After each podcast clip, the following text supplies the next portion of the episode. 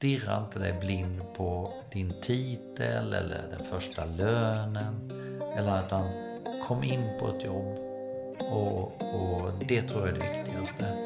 Sen däremot när du skulle vara äldre, om du skulle vara i min ålder som jag är idag, då skulle jag välja Varmt välkomna tillbaka till ett nytt avsnitt utav Routine Podcast och varmt välkommen Stefan Sjöstrand. Stort tack! Underbart att träffa dig här på er anläggning i Stockholm. Ja, det är ju, jag tänkte vi kunde sitta på vårt kontor inne i stan, men så tänkte jag det är mycket roligare för dig att få komma hit och se vår verksamhet som vi faktiskt bedriver här på Skistar Stockholm. Och vårt sätt att också transformera en normal vinterverksamhet till en faktiskt året runt-verksamhet. Ja, men det är otroligt intressant att se hur ni har löst just den delen av skidsamhällsproblemet, om man säger så, säsongsdelen. Eh, och jag trodde inte det var på den nivån det var på. Och ja, man måste nästan åka hit för att förstå helheten av det. Det är otroligt intressant lösning ni har gjort på alla fronter. Så du blev positivt överraskad? Oh ja. Härligt! oh ja. Men jag tänker, vi ödslar ingen tid. Vi hoppar på. Hur hamnade du som VD på Skistar?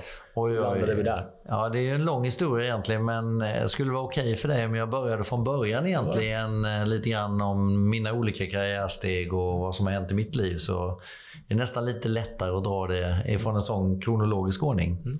Och särskilt med tanke på lyssnarna. Mm. Eh, så jag valde gymnasiet. Jag är 54 år gammal och det betyder ju att eh, när man är i min ålder så eh, fanns det även tvååriga linjer på gymnasiet, vilket inte finns idag. Men i mitt fall så valde jag en tvåårig linje på gymnasiet för jag ville bli polis. Och det var den snabbaste vägen att bli polis var det att gå tvåårig social linje, sen göra militärtjänst och sen söka in på Polishögskolan. I mitt fall så, eh, när jag var klar med all, eh, min utbildning så eh, var det väntetid på att få göra militärtjänsten. Och då var jag tvungen att skaffa mig ett jobb. Och jag visste ju inte vad jag skulle jobba med. Och av en händelse då så blev det att jag hamnade in på försäljning. Och började jobba med försäljning av dammsugare på Electrolux.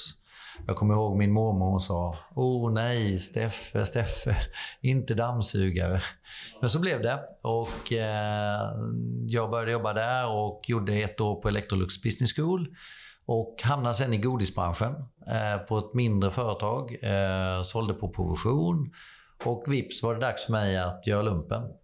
Och eh, då när jag hade gjort den här resan och började jobba med försäljning så började jag fundera på, var det verkligen polis jag ville bli? Jag tyckte ju faktiskt väldigt mycket om försäljning. Och eh, jag gjorde lumpen i flyget, vilket innebar att jag kunde ha kvar lite grann av mitt jobb under tiden som jag gjorde lumpen. Och eh, när jag var klar med lumpen så fortsatte det och eh, hamnade på ett större godisföretag som heter Malaco. Och där tog väl egentligen min karriärfart genom att jag hade en väldigt bra chef som eh, såg eh, unga potentialer, om jag nu var det, det vet jag inte, men jag kände mig som det i alla fall. Och han sa att för att du ska kunna få det här jobbet som assistent till försäljningschefen, då måste du plugga. Så jag eh, började plugga på IOM. Läste marknadsföring, försäljning, ekonomi på kvällstid. Och sen Mm, ja, utvecklades jag. Jag blev regionchef, jag blev Key Account Manager och sen blev jag försäljningschef på Malaco under ganska snabb eller kort tid. Eh, vi ägdes utav Craft och eh, jag fick möjlighet att bli försäljningschef på Marabou. Flyttade med min fru, eller dåvarande sambo, till Stockholm. Och eh, blev försäljningschef på Marabou. Trivdes inte lika bra som jag hade trivts på Malaco. Det var ett större bolag, det var lite mer vassa armbågar och inget som tilltalade mig kanske som person. Och när jag blev kontaktad om att bli försäljning och marknadsdirektör på OLV så var det en jättemöjlighet. Så jag höll mig kvar i chips och godisbranschen. Eh, var försäljning och marknadsdirektör på OLV i knappt tre år. Eh, när jag blev tillfrågad om jag ville bli VD på OLV. Eh, ung, 29 år gammal eh, och väldigt oerfaren. Eh, Gjorde massor med misstag, eh, men fick chansen då att bli VD. Var VD där i två år eh, och fick också chansen att bli röstad som tvåa i juniorhandelskammarens omröstning som framtidens ledare. Och den personen som vann, han hette Jonas Birgersson. Han kallades också internet-Jesus i Sverige. Och eh, då eh, kunde man läsa om Jonas varje dag i tidningen och framförallt om att han skulle vara så rik och han tjänar så mycket pengar. Och som då 32 år gammal så kände jag väl att fasen, kan Jonas Birgersson så kan väl jag. Och jag blev rekryterad av två investmentbolag att starta ett bemanningsföretag för retail så kände jag att nu, nu banne mig, nu är det min tur att bli rik. Fyra år senare eh, så var jag mest rik på erfarenhet. För jag gick ju på det jobbet precis när vi hade en jättestor finanskrig, finanskris i Sverige. Och eh, var ju jättetufft. Börsen rasade, halverades. Eh, och Framfab, som Jonas då var VD för, stod i 360 kronor när jag blev VD på börsen och var väl stort sett konkursfärdig efter några år. Så jag tror att för mig var det en väldig lärdom. Eh, det var en lärdom att eh, jobba med det jag trodde jag tyckte om, men insåg att investmentbolag var inget som jag ville arbeta med. För man hade en annan eh, filosofi runt ledarskap och kanske runt eh, eh, människor och människosyn som inte jag delar i alla lägen. Och eh, efter fyra år där så blev jag VD på ett bolag som heter Weibulls som håller på med växter. Och var VD där. Eh, flyttade med min familj till Lund. Och eh, när vi väl eh, hade bott i Lund i två och ett halvt år och eh, vi tyckte livet var topp så blev jag kontaktad om att bli eh, ansvarig för ett nytt koncept på IKEA. Och det tog mig och familjen på en fantastisk resa eh, inom IKEA. Eh, där vi tillbringade 14 år inom IKEA-koncernen, vilket var fantastiskt. Så jag började först med att ansvara för att Ingvar Kamprad, han hade varit i Ryssland. Han hade varit på en varusöppning i Kazan och där var det mer kunder Eh, och trafik till en konkurrent till IKEA som heter Åby, en tysk retailer. Så Ingvar han öppnade kassarna hos kunderna som hade varit hos Åby. Kikade på vad de hade köpt. Och eh, de hade köpt växter. Och där och då bestämde sig Ingvar att IKEA måste bli bättre på gröna växter. Och därav då, med min bakgrund från Weibull, så eh, skulle jag vara med och utveckla den affären på IKEA. Så det var en fantastisk möjlighet eh, att bygga en global supply chain på växter. Eh, IKEA är normalt världsmästare på platta paket, men då att göra det på en produkt som är levande och ska hålla genom transporter och ska kunna färdas eh, på ett logistiskt effektivt men också ett hållbart sätt och också att växterna framförallt är levande när de kommer fram till varuhusen. Så det jobbade jag med eh, i två och ett halvt år i Holland. Flyttade till Älmhult, eh, blev affärsområdeschef på ett av Ikeas eh, sju affärsområden. Eh, två och ett halvt år i Älmhult till Frankrike där jag var vice eh, chef för retailverksamheten. Två och ett halvt år i Frankrike till Kanada eh, där jag var ansvarig för retailaffären i Kanada.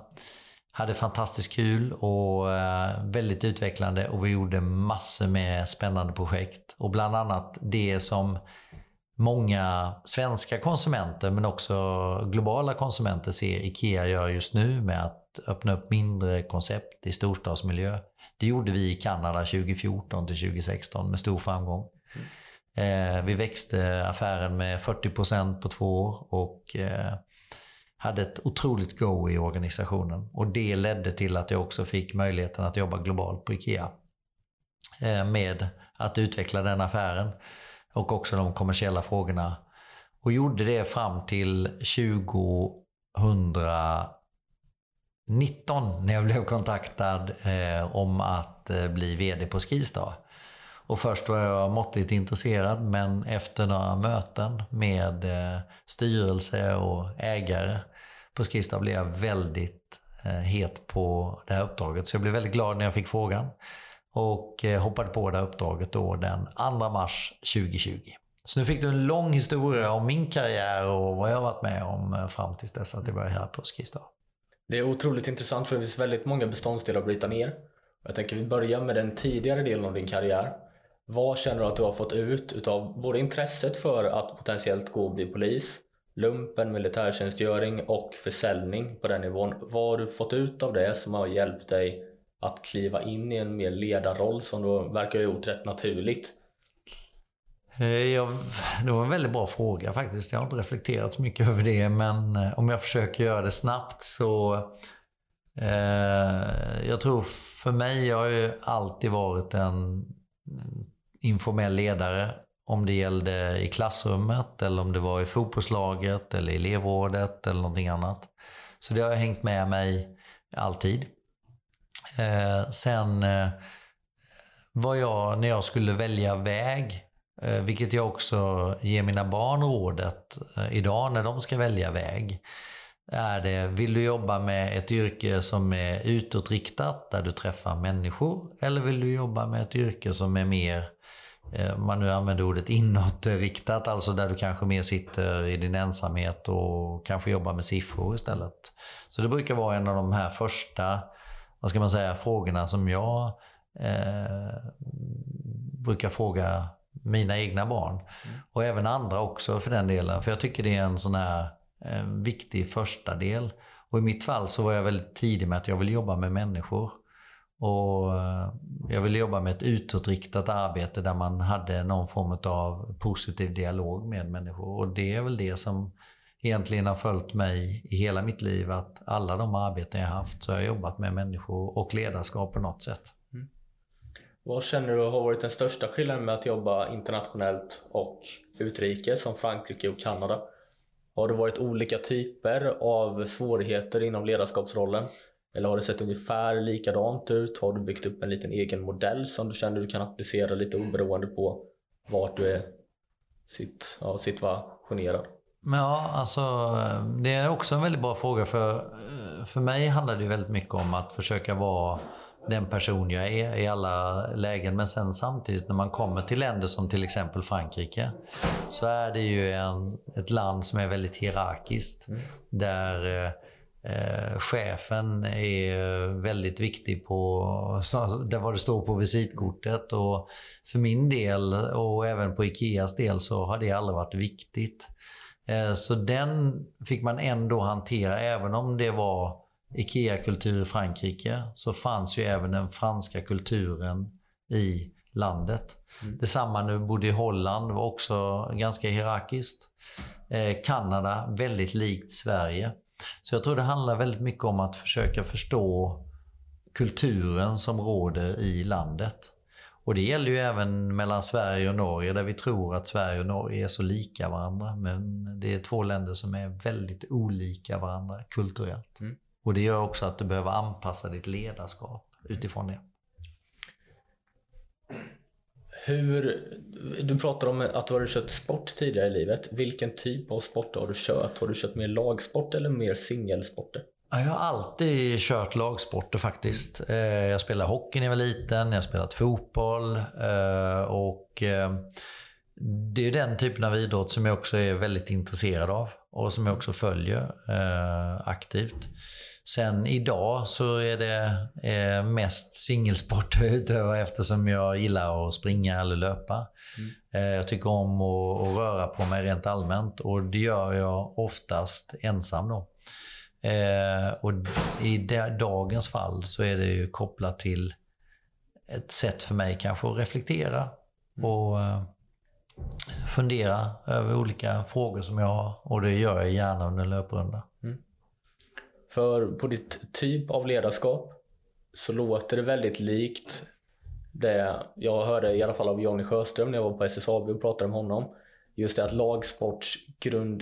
basen i sin ungdom leder oftast väldigt tydligt, i alla fall i Sverige och Kanada har vi sett den trenden, att det leder till att man är mer dragen och motiverad av att vinna som ett lag än att vinna som enskild spelare i ett lag.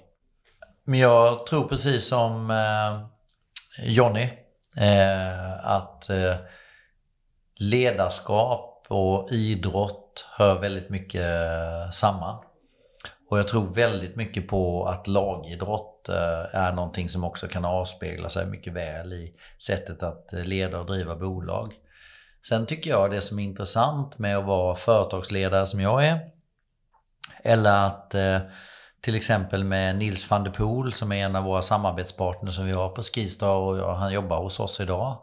Är ju att när Nils, han var ju fantastiskt duktig på att träna och förbereda sig varje dag innan han skulle åka ett VM eller ett OS. Medan jag som företagsledare, jag spelar ju match varje dag. Mm. Men jag kanske inte är lika bra på att träna eller förbereda mig. Och det tycker jag är någonting jag har med mig i mitt jobb. Att i baktanke hela tiden att idrotten tränar mycket mer än vad vi gör som företagsledare. Och jag tror det finns någonting i det att vi behöver träna mer för att kunna spela matchen bättre. Mm. I, på dagens position på Skistar och på tidigare vd-positioner och ledarpositioner, hur har du försökt inspirera och motivera både dig själv och dina medarbetare? Ja, alltså jag är ju en väldigt, tycker jag själv nu då, du får fråga andra, men jag försöker vara en väldigt engagerad ledare.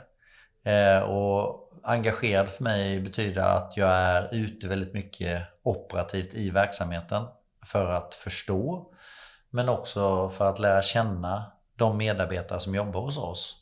Och genom att vara aktiv och också nyfiken och engagerad så tror jag på att man också skapar ett totalt större engagemang bland sina medarbetare. Och det leder också till en större samsyn och om jag kan förstå hur medarbetarna har det varje dag och lära mig av det så kanske eh, jag också kan bli en bättre ledare utifrån det jag får reda på. Mm. Och hur motiverar du dig själv till att prestera eller överprestera morgondagen från gårdagen? Ja, det är också, du är bra på att ställa frågor Alexander. Eh, nej men för mig tror jag det är att jag är en nyfiken person. Och det är viktigt att hela tiden vara nyfiken.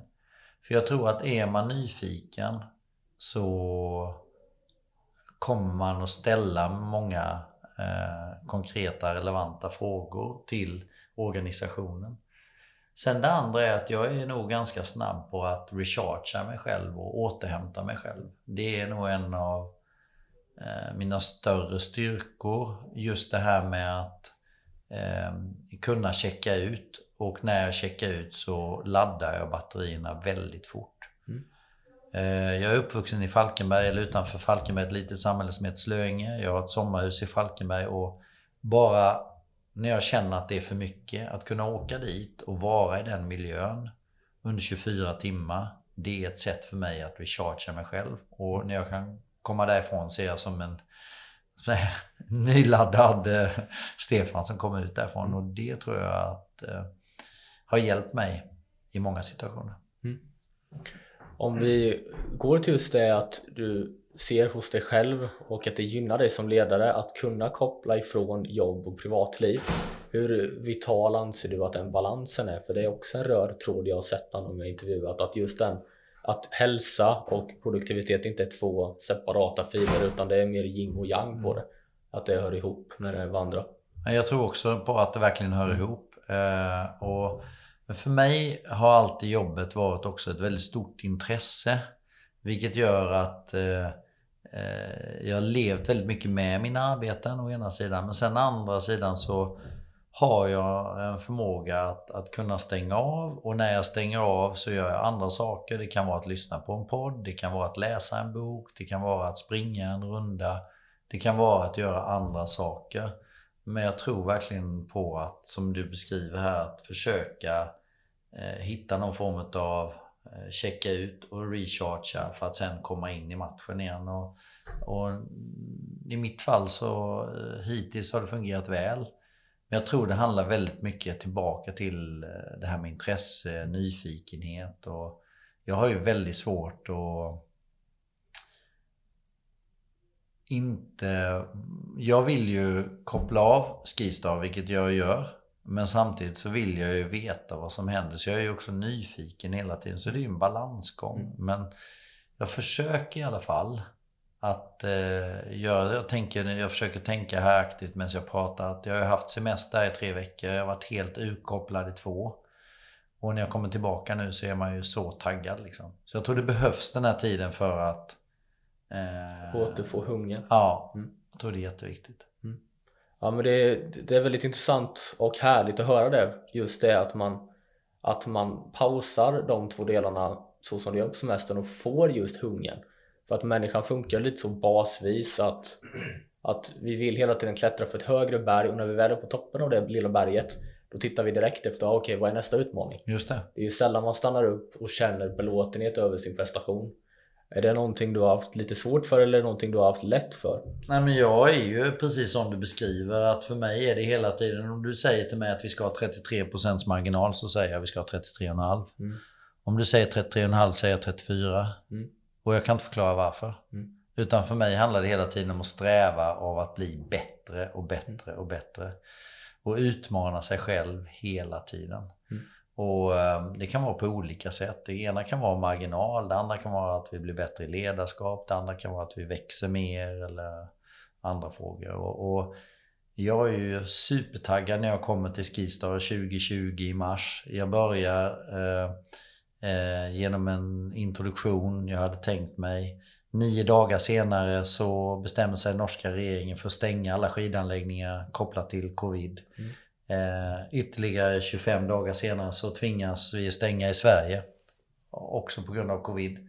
Och det gör ju att eh, vi hamnar i en väldigt tuff situation där och då. Men det gör ju också att eh, min tanke om att också göra en ny strategi vi hade lagt en plan för det, helt omkullkastades och det innebar ju att vi kunde göra det där mycket, mycket snabbare än vad vi hade tänkt oss. Och vi kom ju ut väldigt starkt ur pandemin två år senare. Och jag är jättestolt över vad vi har åstadkommit tillsammans med våra medarbetare. Och nu har vi gjort det väldigt bra. Mm. Men nu vill jag att vi ska göra det ännu bättre. Mm. Eh, och det är ju hela, jag vet inte vad det är, det är svårt att ta på och svårt att förklara men nu har vi gjort det här liksom och vi är på en bra plats. Men nu måste vi bli ännu bättre. Mm. ja, att, jo men det, livet hade ju varit mindre intressant om det hade varit entonigt. Tycker du och jag. Ja. Men eh, det är inte alla som gör det. Nej, ja, men det är därför det, man alltid får så härliga diskussioner och argumentationer med olika människor man sitter och pratar med, absolut. Ja. Men jag tänker om vi går in på hälsa och träningsdelen. Vad är hälsa för dig? Om någon säger hälsa, vad kommer upp i ditt huvud då? Ja, men hälsa för mig, det är väldigt enkelt. Det är att må bra. Mm. Eh, och må bra är ju olika saker. Alltså, eh, jag tycker om att träna. Men jag älskar chips, Pepsi och godis. Mm. Och om du tittar i min ryggsäck som finns här utanför det här rummet så kan du hitta bilar, zoo, Fruxo. Som alltid finns i min ryggsäck för att jag älskar det. Men jag älskar också att röra på mig. Jag går minst 10 000 steg per dag. Det kan vara som idag, jag är uppe över 20 redan. Mm. Det var igår också. Så för mig är det här ett sätt att balansera intag men också att göra det med glädje, det här med att röra på sig. Så det är ju hälsa för mig. Liksom att jag unnar mig jättegärna ett gott vin eller en god bit mat. Men jag unnar mig också en löptur eller en promenad eller någonting annat. För jag tror det är verkligen en, en balans. Så hälsa för mig är att må, och sen må bra. Liksom att, eh, för en del kan det vara att jobba eh, tillräckligt mycket och för mig är det att för mig att jobba mycket är ett sätt att må bra också. För det, eftersom det är mitt stora intresse. Så jag tror det är individuellt eller väldigt individuellt vad hälsa är för, för dig och för mig. Det kan skilja sig åt. Men justifierad belöning, det är absolut. Mm. Absolut. Eh, den psykiska delen, är det någonting du lägger någon tanke på? Tänker du på mental balans? Håller du på med någon form av meditering som vi har haft eh, majoriteten av vi har pratat med som gör på ett eller annat sätt? Och meditering behöver inte betyda att sitta på en kudde och tänka djupa tankar utan det kan ju vara bara stanna upp momentvis under dagarna och bara samla sig en kort stund? Just nu så gör jag inte det. Mm. Men däremot så har jag jobbat ganska mycket med olika typer av mindfulness mm. eh, under min karriär och, och under tiden i, i, mitt arbete. Och mindfulness har varit ett väldigt bra sätt för mig att checka ut, koppla av, ladda batterierna här och nu. Mm. Eh, däremot så är jag väldigt bra på om jag inte kallar det mindfulness, men ett sätt att reflektera. Och det kan ju vara att jag eh, på ett flygplan, på tåg, i bilen. Jag lyssnar alltid på P1 när jag åker bil till exempel. Eller varje morgon när jag är ute och promenerar lyssnar jag på P1. Men ibland lyssnar jag inte på någonting alls. Bara för att få vara själv i tanken. Mm. Och det är också ett sätt att meditera och mentalt samla sig och förbereda sig. Och jag funderar mycket. Mm. Jag reflekterar jättemycket. Varför fattade vi det beslutet? vad var konsekvensen av det beslutet och vad, liksom, vad kunde vi gjort annorlunda? Så tänker jag väldigt ofta. Mm. Och det tror jag är bra. Jag tror man behöver reflektera mera mm. på både vad som sker i arbetet men också privat. Mm. Om vi går över till träningsdelen, lite mer konkreta mm. grejer. Hur många gånger per vecka? Vad för typ av träning? Och varför du kör den typ av träning? Eh, för mig är det löpning mm. eh, och det går upp och ner. Nu vid den här tiden på året så springer jag fyra till fem dagar i veckan. Mm. Det är nog mer fem än fyra faktiskt. Eh, och jag har ju då slutat att mäta tid. Och det slutade jag med för två och ett halvt år sedan ungefär. Mm. Och eh, syftet med det var egentligen att jag var alltid så jäkla stressad efter jag hade sprungit. Det blev ingen njutning. Utan det blev hela tiden en press på att prestera. Och sprang jag över fem minuter per kilometer så var jag dålig. Mm. Istället för att eh, glädja mig åt att jag sprang på 4.55. Så därför slutade jag mäta tiden. Så jag mäter aldrig tiden numera. Och jag mår så mycket bättre när jag springer. Och eh, däremot mäter jag hur långt jag har sprungit. Och eh, det kan vara allt ifrån, jag springer sällan under 4 kilometer. Och jag springer aldrig längre än en mil. Så det är varierat. Och det beror helt och hållet på hur jag mår. Och hur jag känner att kroppen är för form. För det kan vara vissa dagar man flyger fram. Mm. Och vissa dagar man känner att det är jäkligt tungt. Mm. Så det balanserar där. Sen går jag på gym. Och försöker, och det gör jag mest på vintertid. Så nu vid den här tiden är det varmt och skönt ute då jag springer mer och väldigt lite på gym. Och på vintern så är jag mer på gym och då kan jag springa på band. För jag tycker det är så jäkla tråkigt att springa i kyla. Mm. Eh, och sen så åker jag skidor på längden, vilket jag tycker är jätteskönt på vintern. Och sen åker jag ju väldigt mycket skidor utför. Mm. Eh, på vintern också i mitt arbete. Men det måste nästan vara ett krav för att, ja, det, vara, ja, att vara VD på Skistar. Ja, nej men det är ju en härlig aktivitet mm. och också en väldigt skön aktivitet att göra. Och det bästa som finns är ju när man kan ge sig ut i en helt nypistad backe klockan sju på morgonen helt ensam och bara blåsa på för fullt. Liksom. Det är också kärlek, tycker jag. Mm. Men underbart. Men det är otroligt intressant det du säger med att du inte mäter tid eller typ av prestanda under tidspress under löpningen. För det känns ju som att det betyder att du skiftar med den energin du hade lagt på det in i arbetet istället eftersom att du är så avancerande kring att du vill slå inte bara motståndet utan dig själv och dina egna ambitioner gång på gång. Ja. På gång. Så det låter otroligt hälsosamt att ha den approachen. Ja, jag tycker framförallt så är det sköna också att jag mår ju mycket bättre mm. än vad jag gjorde tidigare när jag hade den här egna tävlar själv liksom. Mm. Så, mot mig själv, vilket jag gör ändå. Men, men inte i löpningen utan det, att bli bättre hela tiden. Mm. Ja men det låter som att det blir en annan typ av underton i det. Om du löper för distans. Just för att då, då blir det som du säger, det blir mindfulness i att du det, det är okej okay om det inte går så förbannat bra varje gång. Ja, ja. Och det blir avslappnande för då känner du inte den pressen på alla fronter i livet att det måste presteras, det måste vara på bom, bom, bom, bom hela tiden. Och sen framförallt så ägnar jag nog den här löpningen väldigt mycket åt att fundera. Mm. Eh, fundera på framtida utmaningar men också på det som har varit. Lite grann jag pratade om det här med reflektionen mm. och gå igenom en dag eller ett möte eller en händelse. Mm. Om vi hoppar vidare till kost från när du var ungefär min ålder runt 20-19 strecket mm. fram till där du är idag. Har du ändrat på någonting åt det större hållet? Naturligt så blir ju det eftersom att du sportade när du var yngre. Men är det någonting du har lagt mer energi och tanke inom? Ja, absolut. Jag menar, men jag är fortfarande chips och godis ja. och läsksteffe. Det har jag varit alltid. Ja.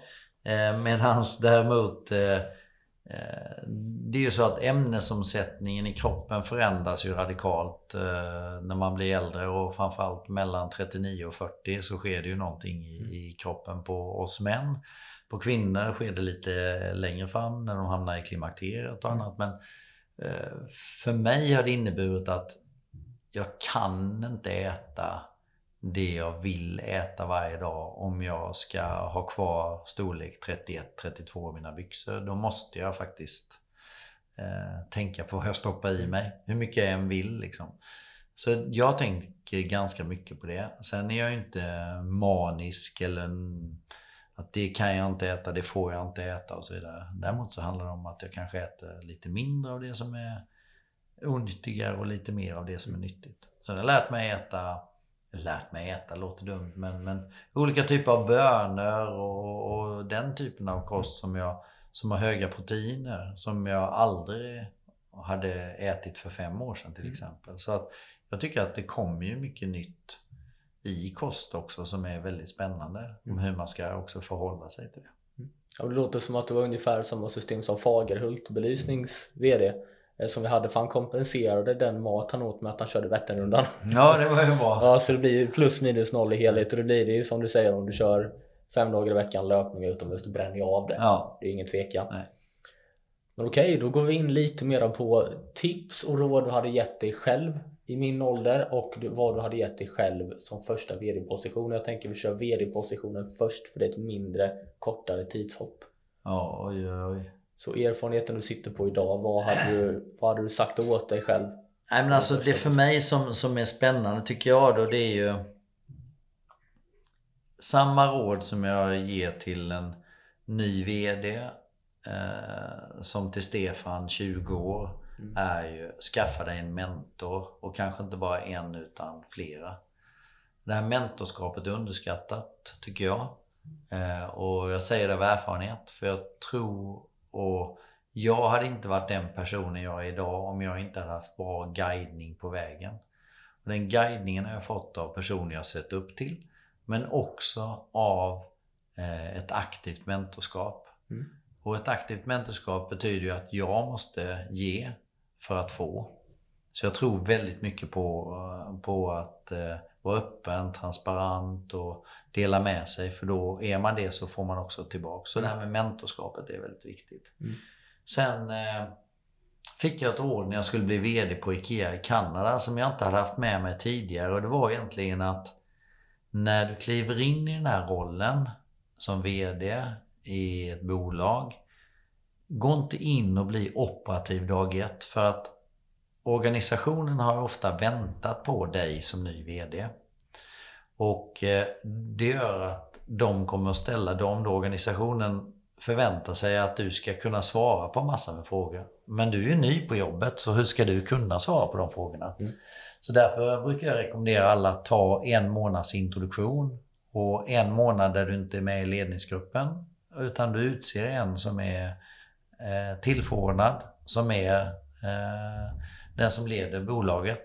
Och du är ute och jobbar i verksamheten för att lära dig verksamheten, förstå verksamheten och inte fatta ett enda beslut. Det är en konst. Mm. Men det är det jag rekommenderar till alla faktiskt att verkligen göra. Det låter också som att du, som att du bygger upp en, en form av underton av respekt i att du gör så. För att det är väldigt lätt som man ser det med amerikanska hållet att någon går in och kör mer boss-stilen än ledarskapsstilen. Mm. Och jag kan tänka mig om du, du har varit och skrubbat golv och gått och plockat pinnar i skidbackar. Då ser man på det på ett annat sätt. Ja, jag tror ju framförallt det är lite respekt mm. mot organisationen som jobbar och har jobbat. Sen lär man sig inte allt på en månad. Men det är i alla fall att du skapar en, en, en inblick i verksamheten som inte handlar bara om eh, det som är bakom skrivbordet. För alla kan läsa en powerpoint, alla kan läsa en Excel-fil. Men för mig handlar det om de mjuka värdena. Mm. Och hur fungerar organisationen? Hur fungerar processerna? Sen lär man sig, inte allt som sagt på en månad, men du får en väldigt bra överblick och det rekommenderar alla. Mm. Och om du hade gett rekommendationer till någon i min ålder om vi tar utbildningsmässigt för att nå din position idag, mm. om vi tar nätverksmässigt och första jobb karriärsmässigt. Om vi går in på utbildningsdelen först. Hur hade du, om du hade gjort det, lagt om din livs och karriärsbana i början? Eh, det första jag hade gjort eh, hade varit att eh, plugga från början och gå en universitetsutbildning. Eftersom jag tillhör nog en av de här sista personerna som har gått LHS, Livets hårda skola. Eh, för att jag pluggade ju egentligen senare i min karriär. Jag var ju visserligen bara 26 år när jag började på IOM, men ändå. Eh, så, så jag tror att eh, hade jag gått tillbaka idag så hade jag verkligen pluggat på det där universitetet från början. Och det är det rådet som jag gett till mina barn också. Mm. Och för att skapa sig en utbildning i botten, jag tror väldigt mycket på det. För idag så blir konkurrensen om jobben hårdnar och du behöver ha en stabil utbildning i, i botten. Sen tror jag att man pratar om att man ska ha fyra olika karriärer och så vidare. Så jag tror inte det första jobbet är det viktigaste, utan det viktigaste är att komma in någonstans. Mm. Kom in på ett företag, lär dig och som jag sa, jag tror inte majoriteten idag stannar inte kvar mer än ett par år på, på första jobbet för att sen ta nästa. Så jag tror det är ett bra lärande. Mm. Så plugga, in på ett, eh, på ett första jobb, ta vad du får, tjafsa inte så mycket, lär dig och sen eh, tror jag fortfarande på det här med mentorskapet också, att det finns med från början i den eh, ja, för dig som person och individ, att du utvecklas med ett mentorskap tidigt. För det kommer också kunna hjälpa dig och guida dig på vägen. Mm. Så det är väl de råd jag skulle ge. Och då tar du oss in på nätverksdelen också. Ja, just det. Hur träffar man och kommer åt en VD av din kaliber eh, som ungdom? Hur är bästa sättet att nå dig? Man gör som du, skickar ett eh, meddelande på LinkedIn mm. eller något annat. Eh, sen beror det på hur receptiv man är som person. Jag är ju nyfiken. Jag har ju bestämt mig för att svara på alla mejl jag får. Eh, jag svarar på alla Typ på LinkedIn eller vad det nu är för någonting. Och det gör jag för att jag är nyfiken och jag är intresserad av andra människor. Kan jag hjälpa någon så kanske de kan hjälpa mig. Mm. Så det är alltid min grundfilosofi. Sen kan man ju inte träffa alla och man kan inte möta alla. Men jag försöker vara så tillgänglig som möjligt. Mm. Det är ett eh, motto jag har. För om jag kan vara det så kanske jag kan inspirera någon annan att vara likadan tillbaks. Mm. Så det tycker jag är jätteviktigt. Men sen nätverk också. Att, att våga gå på olika träffar. Liksom. För om, om, du, om du kommer till ett ställe så kan du inte bara stå med, med ditt eh, drickglas och, och räkna med att någon kommer fram och pratar med dig. Utan du måste faktiskt vara aktiv. Och om du är aktiv så kommer det innebära att du söker upp andra. Och då träffar du minst någon ny person på varje ställe och så går du därifrån och känner dig kanske nöjd.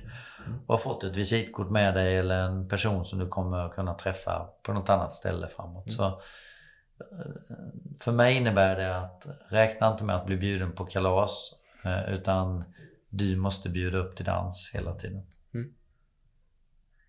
Underbart avslutat på den meningen. Gifte sig jättefint. Men om vi tänker tidiga karriärsjobb och då tänker jag nästan från 15 mm. upp till ungefär du börjar högskolan. Extrajobb, sommarjobb och liknande. Vad hade du tagit? Hade du tagit ett försäljningsjobb, ett servicejobb eller hade du tagit något mer lager? I mitt fall då när jag var i den åldern, jobbade jag på ett lager mm. och, och packade mjöl på en kvarn. Liksom. Det var inte, alltså, det viktigaste var för mig att tjäna pengar. Mm. Och sen om det innebar att jag stod på ett lager och packade, eller en fabrik och packade mjöl eller sopade in silo. Liksom. Det var ju inte det bästa. Men det var ju bara eh, 50 dagar på ett sommarlov och det innebar att jag fick jävligt mycket cash. Mm. För syftet jag hade var bara att tjäna pengar. Mm. Eh, och sen finns det de som är, alltså där jag kommer ifrån så var det inte så mycket mer det fanns två industrier som de flesta ville jobba på. Jag är uppvuxen på en gård på landet. Jag plockade jordgubbar, sålde jordgubbar på stranden. Men det liksom gav inte de här pengarna som man ville ha. För jag ville ut och resa. Och, eh, vi hade inte sådär jättefett hemma så det innebar ju att man fick betala det själv. Så ville jag åka så fick jag jobba. Mm.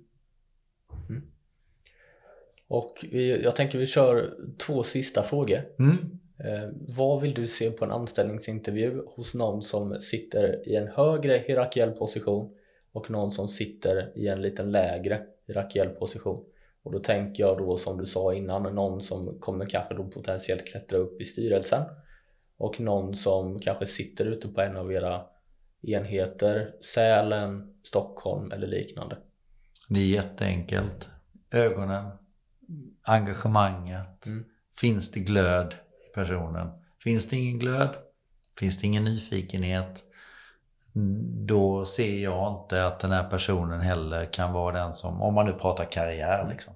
Men sen har man ju olika, alltså det finns ju fantastiska lojala medarbetare som inte är ute efter en karriär men som är ute efter att göra ett väldigt bra jobb. Mm. Som är minst lika viktiga i en organisation. Så jag tror för mig är det respekt för människor och individer, var man vill jobba någonstans i ett bolag. Alla kan ju inte vara galna som jag och min familj som har rest halva jorden runt eh, för att jobba liksom och för att man älskar det. Utan jag har lika stor respekt för någon som har jobbat 25 år och jobbat på ekonomiavdelningen eller en annan avdelning för man trivs där och trivs med det. Mm. Så för mig är, det. Men om jag ser det eh, explicit utifrån ett karriärperspektiv och vi, vi letar ett chefsämne om jag säger så. Då är det verkligen ögonen brukar jag säga. Liksom, du ser det ganska snabbt om det finns passion. Liksom, är det någon Mm. som brinner för det. De personerna brukar jag liksom, honom eller henne, de ska vi ha ögonen på. Mm. Så det brukar jag gilla. Och talentspotta.